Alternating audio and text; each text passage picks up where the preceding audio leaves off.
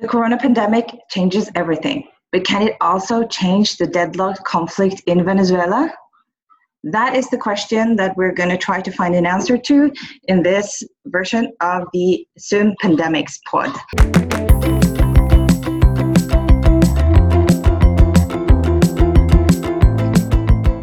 In this uh, podcast, I call my colleagues at uh, the Center for Development and the Environment of the University of Oslo about causes and consequences of the pandemic, uh, the corona pandemics.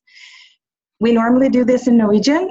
We make a few exceptions, and one of them is for Antulio Rosales that we're going to talk to today. He is a postdoc at SUM.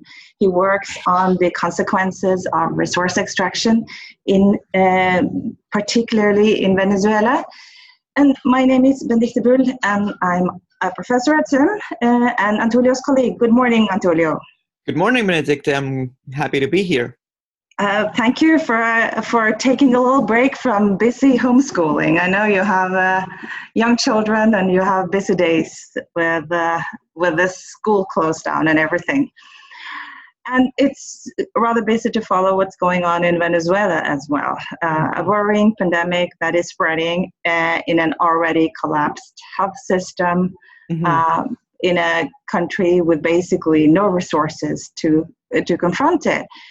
But there are also some interesting initiatives, and I read a very interesting article yesterday in the Financial Times, an op-ed, where they argue basically for uh, lifting the sanctions uh, in spite of the uh, political uh, uh polit- political conflict that is not resolved uh, in order to face the humanitarian needs and kind of set politics aside. What do you think of it, and what would such a move require? Well, I think it's it is it is necessary to lift the sanctions in order for Venezuela to be able to confront this crisis. It's a it's a necessary step that different um, civil society organizations have been calling for and individuals inside and outside the country. The necessary measures that need to be taken for that to happen, though, include proactive actions coming from the Maduro government, uh, including recognizing the, the National Assembly, which is Venezuela's parliament, what kind of means do uh, Venezuela have to uh, to confront this themselves? How is the economic situation to start with? It is it, it is disastrous. It, it is quite disastrous, catastrophic to say the least. I mean, uh, Venezuela has lost uh, two thirds of its GDP for the past fi- in the past five years. Um, its oil production has collapsed and um, that really has left the country in a very precarious situation with a frailing um, uh, healthcare system and at the same time really basic resources are um, are really fragile. You know electricity provision is it's very fragile and in particular severe in, in special regions of the country like the Zulia state. Um, you know running water is not is not available in many areas etc etc so that is the the current economic situation uh, right before the pandemic started. But now uh, we are in a in a much worse uh, position because the oil price has collapsed dramatically. So even if Venezuela was able to sell oil, which is questionable due to the sanctions, but even if it, if it has been managing to sell some oil via Russian support, uh, but even then, at this point, it makes no sense to sell oil because it's it's selling at below production costs. So uh, basically, any any producer like Venezuela would be losing money by selling a, a barrel of oil. Um, this really means that, that Venezuela needs to get uh, foreign financing. Uh, the other means that it had, I mean, it, Venezuela has depleted its its um, national, international reserves, um, unlike other countries that had been able to save some funds during the, the, the boom times of the commodity prices. Um, Venezuela depleted those reserves, um, mainly via the, the, irresponsible use and spending from from the government that went completely unchecked. And so that that is really dramatic, and it, it means that it needs support from abroad. But as you said, this uh, getting a solution would require that the Maduro government is is kind of is willing to to talk. But how has the the opposition reacted to this crisis? Because uh, they have parts of the opposition has also called for the sanctions and been rather unwilling to enter into to to dialogue. Well, I mean, the opposition is uh, it's not a monolith. Uh, of course, the, the core part of the opposition, what we would call the G4, the four main political parties, are saying um, in, in, in general terms that the sanctions cannot be lifted unless the Maduro government does a, quite a few steps that are important. And the main message by the Speaker of the, of the National Assembly is that the Maduro, Maduro has to step aside and there needs to be a unity government conformed by Chavistas and Maduristas uh, and by members of the opposition approved by the National Assembly. Of course, that is a position that uh, the, that that this side of the opposition has been bringing on since um, the Norwegian broker dialogues um, had been taking place last year. So that is a position that we all know about, and I think it's an interesting position uh, that the government has been uh, ignoring all along because it has control over state apparatus, over the military. So it really doesn't need to share, it, it has not had the need to share power with anybody um, uh, and, and continue to reap benefits from from from the economy and and natural resource extraction, etc. Uh, however, at this point, I think it is a, it is a good opportunity for the government to think that through and uh, perhaps uh, devise a mechanism that where both sides can sit down and negotiate a a, a truce, but a, a return to an institutional normalcy, a basic uh, recognition of the elected bodies in the in the country. It was proposed by opposition leader Juan Guaido to form a kind of uh, a government of uh, emergency. Yep. Has that proposal been taken up at all by the Maduro government? Have they commented on it? Not, I, I haven't seen much responses from the government. I, I do see though uh, the government is also not a monolith. Some folks, some some representatives of the of the Maduro government are basically ignoring that proposal um, because they consider themselves as legitimate and um, and having a legitimate right to rule. Uh, on the other hand, though, there are different groups within Chavismo calling for a, some for, form of negotiation um, that can lead uh, to to returning institu- to institutional normalcy. Although none of them is really talking about a unity a unity government as Guaido is calling for um, which I, I, as I said, is it's been argued since last year, and it's something that it can be considered as as an as an opportunity uh, at the current context. Uh, there are, of course, also radical um, views in the government uh, calling rather to um, to imprison Juan Guaido and persecute him for for treason.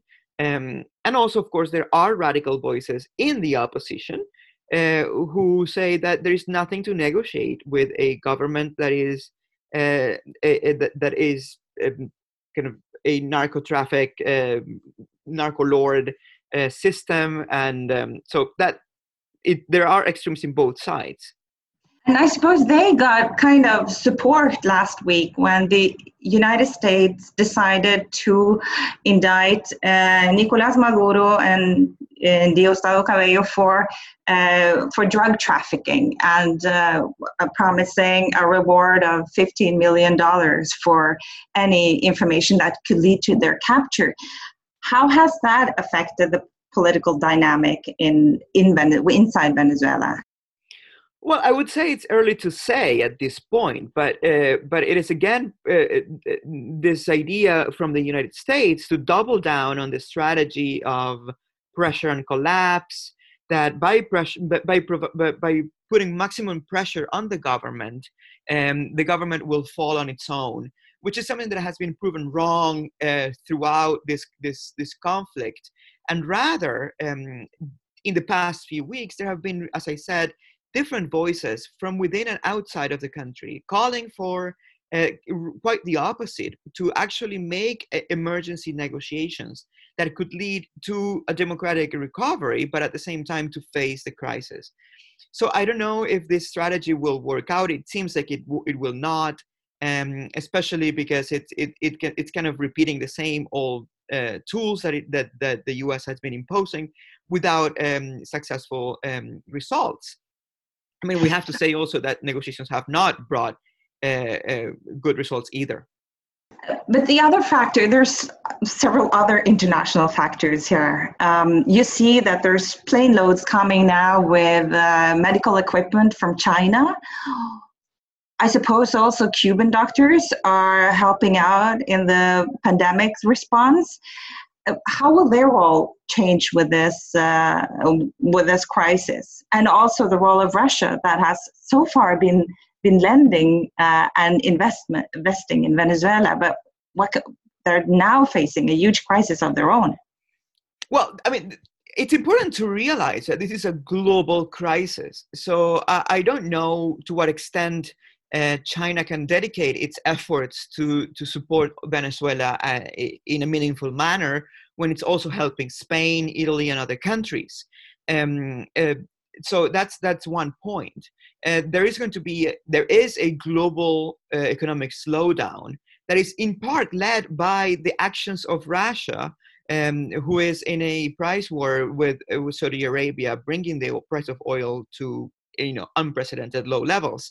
Um, so even if it has been willing to support Venezuela uh, financially, um, this kind of move it's, it's definitely disastrous for Venezuela and for, for the Venezuelan economy, regardless. Um, so I don't see I don't see the international um, actors at this point uh, supporting any form of solution long term. Uh, not to mention the short term of facing this uh, this crisis in a country that is so fragile. I mean, Venezuela needs more than doctors. Um, the country's uh, healthcare system is in in utter collapse. Uh, some say that there, that around 40% of intensive care units are not working full time. Some of them are not working at all. Some of them work intermittently. Uh, there is a failure of electricity provision and water supply. I mean, those are really basic things that need to be solved and attended to with um, an incoming of foreign flows. One issue that uh, worries a lot of people, not only in Venezuela, are the around 5 million Venezuelans that have fled the country. Uh, most of them are in other Latin American countries and the largest share in Colombia. Now the border has closed. Uh, what, what will happen to those people? this is a i think it's a very serious uh, situation for, for, for the venezuelan migrants uh, as you say, you know, uh, more than 4 million Venezuelans have migrated in the past few years, many of them in very precarious circumstances with um, irregular status in other countries. So, I mean, this, this, this has big effects for them the, uh, because uh, many countries, when they see uh, um, that their health systems will be collapsing, um, they will have to make very hard choices in terms of, of who gets you know service provisions and care for. Um, so irregular migrants will be affected um, in that you know basic basic immediate health uh, manner. But at the same time um, the economy is slowing down uh, with uh, quarantine and lockdowns um, you know street vendors care providers um, paid workers etc um, kind of in a day-to-day paid workers um, are are being affected all throughout the world. So uh, uh, you can imagine that migrants uh, who are in irregular status are going to be affected the most. But in turn, uh, Venezuelans who remain in Venezuela will also be affected by that because um, up until this point, migration had been a strategy of survival. So many people send their fittest uh, members of the family abroad to get jobs and to send money back. So if these people are losing jobs, or at least they're not getting paid, um, it is very hard for them to send money back. And, and if Venezuela's economy is going to slow down even farther, I see very little space for, for, you know, for day-to-day uh, activities to happen. Uh, and we already see that uh, at the moment with, you know, hard provision of, of gasoline um, being rationed already. So it, it, this is you know very very hard uh, economic and and health uh, situation for Venezuela. Well, Antonio, I uh, I hate to end with such a pessimistic note, but I suppose there isn't too much to uh, to feel uplifted about in, in the world in general, and and definitely not in Venezuela. So I'll let you go back to uh, homeschooling. Thank you very much for taking your time, and let's just uh, continue to follow it.